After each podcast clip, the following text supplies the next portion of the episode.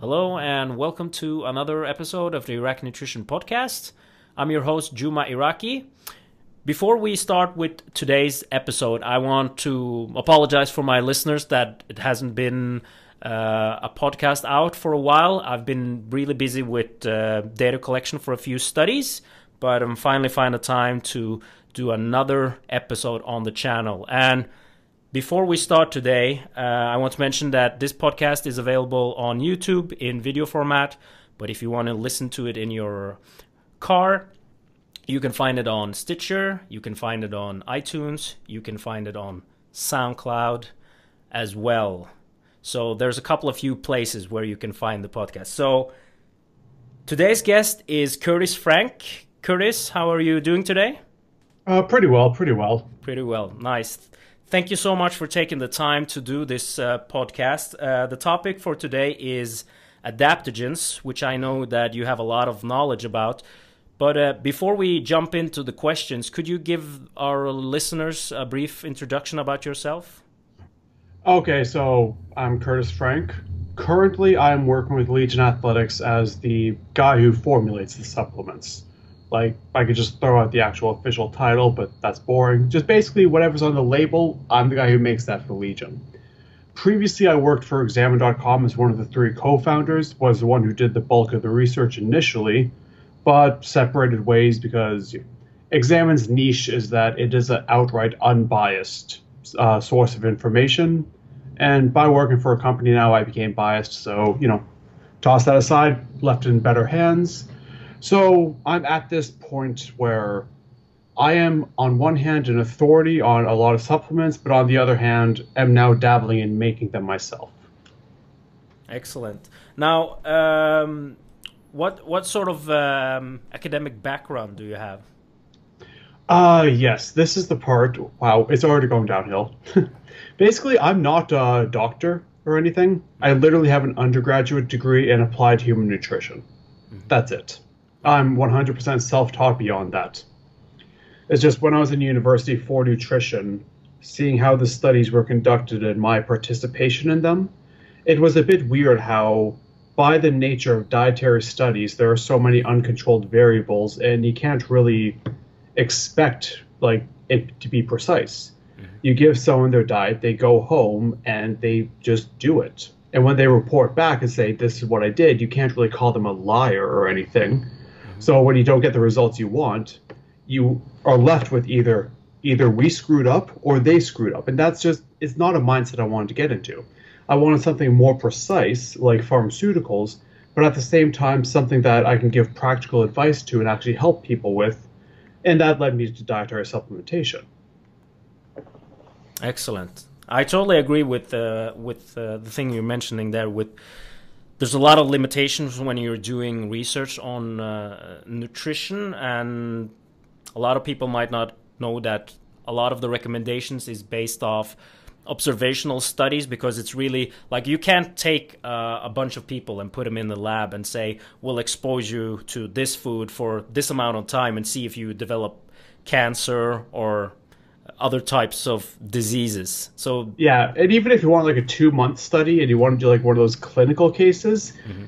you just try to get someone's like, do you cons- like consent to being locked into an establishment for two months? Okay, how much money do you want? Oh, fifteen thousand per month. It's like it's horrendously expensive to get that one hundred percent precision to the point where no one just does it anymore these days. Mm-hmm. Yeah. Uh, and another thing, we uh, we were running a study on cyclists in August, and we controlled their diets 24 hours before the trials that we were doing, and it was just a just a pain in the ass. And we had like 10 subjects. We had to prepare all their food, uh, drive it to them at their home, and oh, make sure make sure that they actually ate uh, everything. And that was based on what type of feedback we had from them. But we had also we also had a couple of more meals, but they spent that time in the actual lab, so we were able to control that. But there's this is a study with nine, ten guys, and it was so much work. So you can imagine if you're doing a study with a larger population, how much work that would that would take. Yeah, and then some people like criticize the sample size, like, "Oh, why didn't you get 150 people?"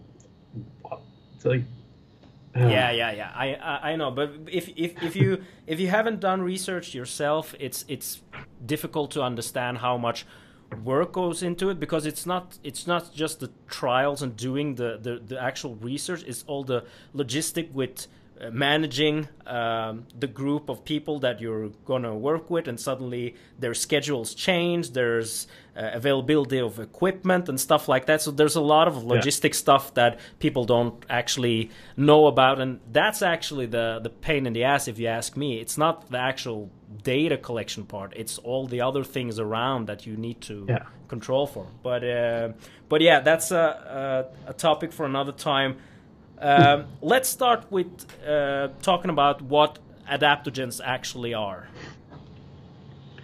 Okay, so adaptogen is a rough categorization of not necessarily a group of molecules or plants, but what they do to the body. The general idea is that when the brain and body perceive something, that is a stress. If they perceive it and like adapt to it to a degree where the body is strengthened, it is a eustress or good stressor. If they react to it but it overall damages the body, that is a distress or negative stressor. Adaptogens are things where you put it into your body and it causes a very subtle stress, usually not enough for you to perceive. But the magnitude of any stress that goes into your body afterward is lessened. So if we were to just use abstract numbers, let's say you're going to do something that normally gives you a stress value of five. And five is the point where you start panicking, maybe like on the verge of an anxiety attack. It's like that's too much stress for you. If you take an adaptogen beforehand and then go into that same scenario, maybe you're only being exposed to a stress level of four, and it feels like you can better handle the stress. So yeah, to sum it up, it's a weak stress that adapts you, hence the name, to subsequent greater stresses and lets you handle them better. Excellent. And how many actual known adaptogens do we approximately have? Okay, so like when I worked for Examine, we actually had a like category page for adaptogens, and right now we have 17 on there. Mm-hmm. But my guesstimate, like my guess as to how many true adaptogens there are, there's probably well over a hundred things that could claim the name of adaptogen, but there's probably only about a dozen or so that are potent enough to be relevant. Because well, technically, like, you only need to prove something is an adaptogen once to give it that name. Kind of like how if you almost everything under the sun is an antioxidant, mm-hmm. but it doesn't mean they're good antioxidants. It Doesn't mean that they help you. They just technically have that name. Adaptogen is similar, but yeah, I'd say only about 10 or so adaptogens are probably relevant based on what we have right now. And above them, like three of them shine above all else. Okay, could we mention a few of them that might be familiar for for our listeners? Okay, so the most popular worldwide adaptogen is Panax ginseng. It's in energy drinks a lot, very common. Not necessarily the strongest, but it helps enough people that it became that popular. Uh, there's also another form of ginseng that was once called American ginseng or Siberian ginseng. It was literally called both of them at the same time. I don't know how that works. Mm-hmm. Uh, but it's the plant Eleutherococcus senticosus. And beyond those two ginsengs, Rhodiola rosea and ashwagandha are two other really popular up and coming ones. And um, I'm not sure. Do you did you guys have the pre-workout called uh, Jack 3D a few years ago? It was the one that started the 1,3 DMA issue. Uh, we ha- we didn't have that here in Norway, but um, okay. if you went across the borders to Sweden, you were able to buy it. So there's a lot of people in Norway went to Sweden and bought Jack 3D. So yes. Okay, because that thing was basically caffeine, the 1,3 DMA, which was the main issue, but also a berry known as a Trichopus zelenchius. I don't know if I'm pronouncing that right, but berry basically it is a, if I recall, a berry that grows in high altitudes and grew popularity with hikers hmm. because they just eat the berry, they grab the berry, eat it, and then they have more endurance. So that's also technically an adaptogen, but research really died out on that thing, which sucks because it looked really cool.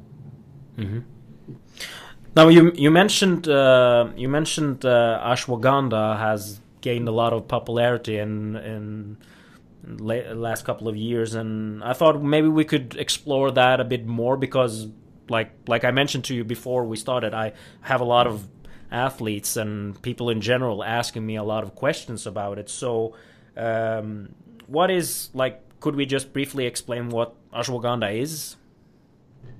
Okay, so ashwagandha is a root from Ayurveda, which is traditional Indian medicine. And it is traditionally recommended for male fertility, vitality, and virility. Just in general, the traditional claim surrounding it is when men take it, they feel more manly. And it goes beyond just sexuality, but also gives you the feeling of strength, the feeling of completeness. Like when it when you di- uh, dabble into traditional medicine, they have a lot of vague terminology for a lot of this stuff. But it is uh, the adaptogen most in line with male health and wellness. Okay, excellent. And do we know where ashwagandha was like discovered, where it's originated from? It definitely originated from uh, like the landmass we call modern day India.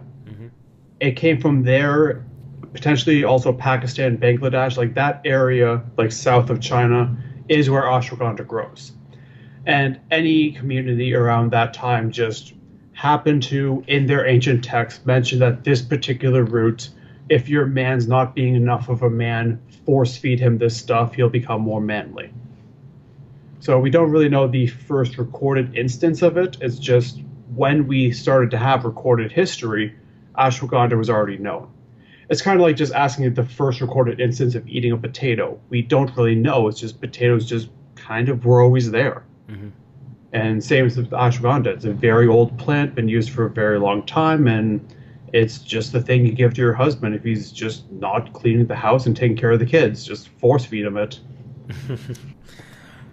Um, my understanding is that it's it's um, you can you can ingest uh, ashwagandha in in several ways. Um, capsules and powder uh, is probably the most thing that people are uh, familiar with. So, is there a difference in in the way you take it if you were to take it from a powder form compared to capsule form? Uh, there's no major difference for how it affects the body because ashwagandha can survive the stomach fairly well. So you don't need to put it into an entire capsule or anything. It's just, uh, you know, if you're going for something with a standardized dose, it's usually better to take pills just so you don't have to measure it out each and every day. So it's easier to take it in in uh, in capsule form as it's more concentrated, is my understanding. Because you get a lot of questions about dosages for ashwagandha, and people m- seem to misunderstand the dosages because it's available in powder form and capsule Oh form yeah, as well. true. Because generally speaking, when you uh, buy capsules, the company that's selling the capsule wants you to take one or two of them. Just by the nature of saying a serving size of eight capsules will draw like just push consumers away. So if you get capsules, there's a good chance it's concentrated, but at the end of the day, the label will show this to you. But if you're buying powders, there is a chance that it is a concentrated powder. Usually, if you're buying powders online from reputable sources, they will state is like this is a concentrated powder. You take X many grams. So if you get a powder and it says to take around 200 to 500 milligrams of the powder, it's probably concentrated. But if you were to go to like a Ayurvedic store or just get like bulk ashwagandha and the serving size is about five grams or so, that's non-concentrated. And if you get ashwagandha in a non-concentrated form, the dose is about three to five grams. It's just most studies use the concentrated form, which has the lower dose, because the active ingredients are concentrated, obviously. Okay, excellent. Now, when we're on the topic of um, supplementing with this, is um, is there a lot of variations when it comes to quality? Is there like some brands or companies that are known more for having high quality products compared to others? Um, when it comes to quality, there is a particular standardization known as KSM66. It's the one used in research most, and I would recommend it solely because a lot of research has been done with it. It has benefits, and anything that has KSM66 on the label is standardized. So that just increases the reliability of what you're taking. Uh, but truth be fair, like truth be told, uh, sorry, uh, even if it's standardized, it's good. But there could be non-standardized things just as good if they come from a semi-reputable uh, dealer. Like there's nothing super special about KSM 66. It's just the peace of mind aspect. Okay, excellent. Now, um, what are some of the claims um, that people hear about ashwagandha and its benefits of supplementing with it? The major claims, which I believe led to the increase in popularity, is that it both increases testosterone while decreasing cortisol. And when it comes to dietary supplements, to get both of those things in one package and actually have evidence for them is obscenely rare. To the point where even if like the cortisol decreasing thing can be quite potent, the testosterone increase it's one of those things that it technically increases testosterone, but so does looking at the color red and punching a wall. Like it's a technical increase, but it's not going to like pack on the lean muscle. But technically speaking, it increases testosterone. So take it for what you will. It probably just has the whole cognitive effects, like feeling more masculine. That's probably due to small increases in testosterone affecting how the brain works. So, beyond the testosterone and cortisol issues, it is otherwise a healthy compound. Like, usually when you hear about uh, testosterone increasing agent, you think increases the risk of cancer. But ashwagandha is not proven to decrease the risk, but all signs point to protects against cancer. And then just the general health and wellness thing. It's good for the male urinary tract health. So, benign prostatic hyperplasia, like not the best option, but could dabble in that as well. And it basically just subtly affects a lot of things like bone health, fat uh, mass, cardiovascular health. Just a lot of it pushes in the right direction. So it's just the test booster that you give to somebody whose health is kind of bad in hopes that maybe a side effect makes it better. Like happy little side effects. Excellent. Now, um, you mentioned testosterone. Is this is this an acute effect that you can look at, or is it more of a um, long, uh, like uh, um, a change over time that you can see when it comes to testosterone levels? Have they actually looked at research on that? Um, it seems to be at the very least long. There's no acute studies in this. I'm loading up the human study right now just to double check it. Oh, uh, if you want a number, uh, the human study found a 15% increase in testosterone, which to anyone in the field, yeah, that that's nothing. Mm-hmm. Like 15% is the difference of like waking up and going to sleep. Mm-hmm. But yeah, it seems to be the effects were noticed over eight weeks. The mechanism seems to be not so much a direct like release testosterone, but more just gets to the testicles and protects them. So if there's normally some chemical insult that would damage the testicles and reduce testosterone, ashwagandha can negate that to a little bit. So I think it may be correct to say that it preserves testosterone levels rather than increasing them. Okay.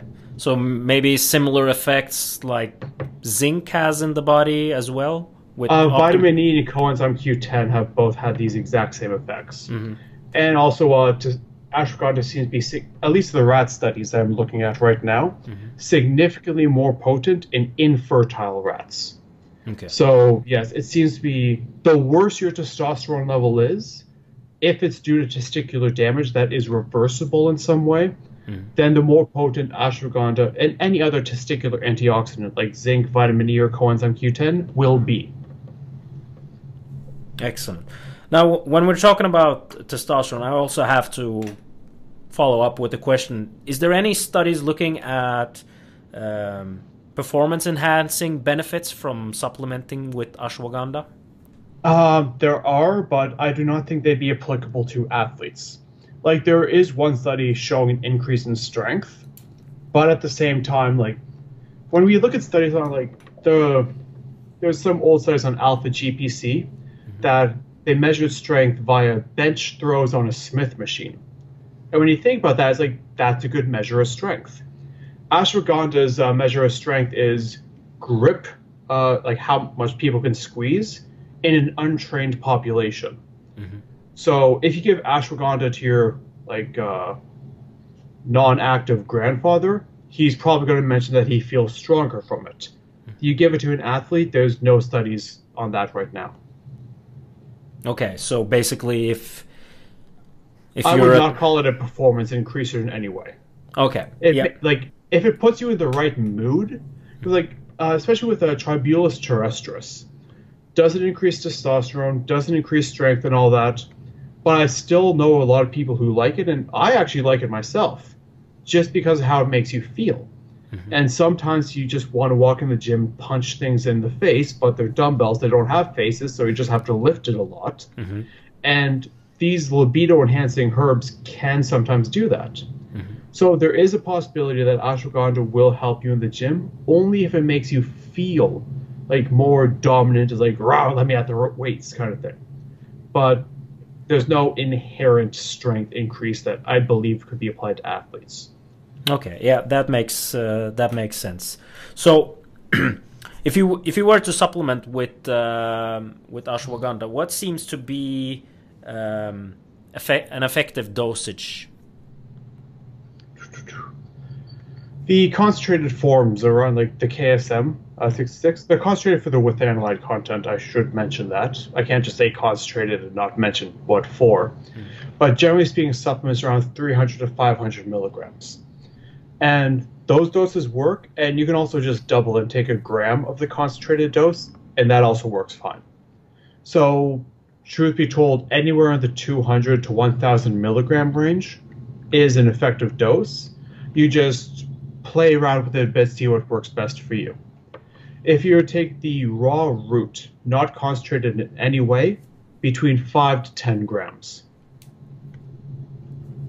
And is there a limit? If you, i'm asking now for the the concentrated version. Is there a upper ceiling on of, of how much you should take uh, before you potentially can run into problems? I'm uncertain because sometimes when you come to research like they do the safety testing first and then do the beneficial stuff mm-hmm. which is what i like to see obviously. But other times you just have like 20 different research groups all going out their own direction so the dose I gave, like the 300 to 500 ideal range, but somewhere between 200 to a gram, we know that is effective. But I've yet to see a study that simply said how much can we give before it hurts something. And but to be fair, even in uh, rats, the like safety index, how much you give to a rat before it hurts itself, is like friggin' 20 times the uh, recommended dose at least. So it seems to be something where you can't accidentally overdose. Okay. Are there any potential side effects that are known when supplementing with ashwagandha? Uh, the only main side effects is that by the nature of being an adaptogen, it is somewhat unreliable, particularly for cognitive effects. Mm-hmm. So ashwagandha is good for reducing anxiety in general, but there are some people who say that it increases their anxiety. Uh, a lot of people actually recommend ashwagandha for improving sleep quality, but I am an unlucky bastard, hmm. and ashwagandha before sleep actually gives me insomnia. Okay. Like, this would be like the main takeaway that I just want everyone to know. If something is an adaptogen, understand that it will affect you, but how it affects you will differ from person to person. Always test the water and be prudent before like diving straight in like just some things just uh, blindside you, and they're pretty common with adaptogens. As it comes back to like adaptogens help us deal with stress, but we all deal with stress in different ways. So if I deal with stress in a different way than you do, the adaptogens that interact with our perceptions will influence us in different ways, sort of thing. Mm-hmm. Yeah, that makes uh, Yeah. that makes sense. Yeah, Now- so basically take any cognitive effect of an adaptogen with a grain of salt and know that in some cases it can just straight up backfire. Okay. Now, is there any uh, guidelines for when you should take it, or if there's something that you shouldn't take it with uh, because of lower absorption of ashwagandha? The only uh, guidance I can give right now is uh, when it comes to ashwagandha, since it may have sedative effects, try to test out before sleep. If you are in the average, uh, like demographic, it will improve your sleep. If you're an unlucky bastard like me, uh, it will harm your sleep. If it does anything negative to your sleep, take it in the morning. If it helps your sleep, feel free to take it at night. Beyond that, you can take like excluding those two issues, you can take it at any other time of the day. It's something that does build up in your body after all. Okay. And as for things to not take it with, I would recommend against taking it with alcohol. This is mostly because ashwagandha is good for reducing social anxiety. Anxiety in general, maybe a bit sedative, may make you a bit playful. It does a lot of the same things alcohol does. Mhm. But alcohol tends to be more potent. So if you just pop some ashwagandha and then drink some alcohol, you now have two different groups of drugs doing the same stuff. It's just overload on one system. So yeah, don't do that. Okay. Especially since like we like when it comes to alcohol, alcohol is a simple molecular structure. We kind of know everything it does in the body. But ashwagandha doesn't have a bioactive. It has a class of bioactives known as the withanolides, which have over 70 different molecules. So to just throw a big old cocktail of these things and then drown them in alcohol, that's 99% a recipe for disaster, is my guess. But we just don't have the evidence to prove that, and unless we want to kill a lot of rats, I don't think we will get it. Yeah. It seems that uh, there's a lot of things that you shouldn't mix with with uh, with alcohol. I actually had um, an athlete asking me what's the what's the effect of low dose of alcohol on performance and there's some studies actually showing that it, you don't need a lot of alcohol before it actually starts to downregulate uh, a lot of pathways that might be of importance for both endurance sports and strength sports as well Yeah, it's like a weird thing because they downregulate a lot of the anabolic and strength pathways, but a single beer before a workout is a testosterone booster. Mhm. So it's like you have a beneficial effect and a negative effect, and I'm not sure if they've been directly cross uh, like paired with one another.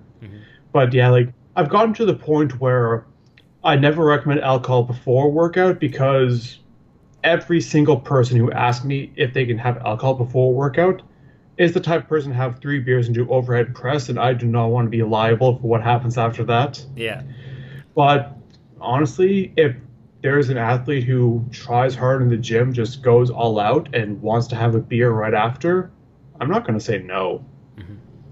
Like, eh. it, it's just one beer. Like, come on.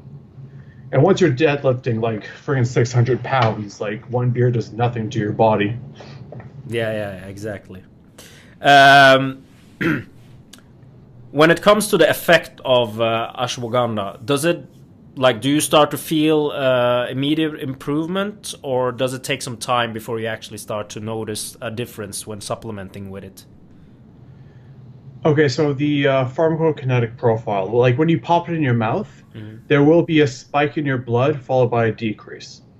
And because of this, if you take it half an hour before a stressor, the first dose can benefit you. However, if you want it to be a 24 7 benefit, it will require about four weeks of loading it up. So there is both an acute and a chronic effect. To maximize the benefits, I would say four weeks or so, just a month long cycle, see how it feels. But understand that taking it about half an hour before an expected stressor could provide some acute benefits just because it peaks in the blood a bit more. Okay, excellent. Now to to wrap up this uh, this podcast, I think we covered um, a lot of important things, uh, a lot of practical things in regards to ashwagandha. What would be your take-home message? Uh, truth be told, my take-home message would be for everybody to just be aware of the category of adaptogens, and for men in particular, be aware of the ca- uh, category of libido enhancers when it comes to a workout. Actually no that that can apply to both sexes. Women can also look at the libido enhancers because at the end of the day the stuff that mediates libido in men is the same stuff that libi- uh, mediates libido in women. So basically adaptogens it, ashwagandha may not be the one for you but there will be an adaptogen that works well for you and if you ever get into the mood where you just want to test out a new supplement just to see how it works the adaptogens are the best class because if you truly want to know how it works, you will need to do a trial run at some point. It's not something you can put your faith into without testing it, after all. And as for the libido enhancers, they have a really bad track record of being falsely marketed as testosterone boosters. And almost every, like, I'd say 90% of them outright fail. The other 10% only work in infertile males, like um, was it Eurycoma longifolia is wonderful if you are infertile. Beyond that, it doesn't really do much. But at the end of the day, these were traditional herbs not because like our ancestors 2,000 years ago were taking blood samples and measuring them in labs that they didn't have. It's just how they felt. So even if Tribulus is not a testosterone booster, if it makes you feel better and work out in the gym harder, why not take it? Like, it's all up to you, but a lot of people I interact with 100% like shun and forego the libido enhancers because they're not proven to increase testosterone. They can do so many other like wonderful things, and there are some studies where it just sounds interesting, like, but we can't like we don't have follow up evidence on it. Like technically speaking, there is at least one rat study for Tribulus terrestris where it increased androgen receptor density on the hypothalamus, which mean, means that androgens can signal through this brain region better, which means that you feel the effect of testosterone more, which could underlie why people feel more manly. But like all this aside, like you can just talk about science for days on end, but if you just take a libido enhancer and you like it, it makes you lift more weights, do it. It makes you lift more weights and you feel better. Excellent. Now, Kurt, thank you so much for uh, taking the time to do this uh, podcast. For our listeners that want to know more about you, where can they find more information? Uh, right now, I currently work at Legion Athletics, and I write at the blog there. So, to go to the Legion Athletics blog, just troll through the articles. You'll see a new writing from me about twice a week. So that's more to learn about me. And again, I have to give a plug for examine.com just because it's awesome. Like, it's just a database of all evidence that can be compiled at this point in time. And who doesn't love that? Yeah, exactly. I, I've been. I've been really appreciating using examine.com as a resource for, for many years now, especially when you have. Um, I lecture a lot for personal trainer students in, yeah. in, in Norway, and um, there's a lot of questions related to supplements. So it's just a convenient way to um, tell them to go to examine.com because it's so uh, packed with information and it's really easy to also find information there. Yeah, a wonderful starting point that for many people is also the finale. Hmm, exactly. All right, Kurtis, thank you so much for uh, taking the time. Uh, I'm off to off to bed pretty soon. I have data. I have data collection at 6 a.m. So I have to wake up at 4 a.m. So oh, it's going to be a few hours of sleep. But uh, yeah. But yeah, what what time is it on your end? Oh, it's uh, about three o'clock on my end. Okay. So just early afternoon. Early afternoon. All right. Then um, wishing you a further uh, nice day, and hopefully we can do a podcast again some other time on a different topic. Okay then. I'll be on standby. All right. Thank you so much, Kurtis. Yeah. Bye bye.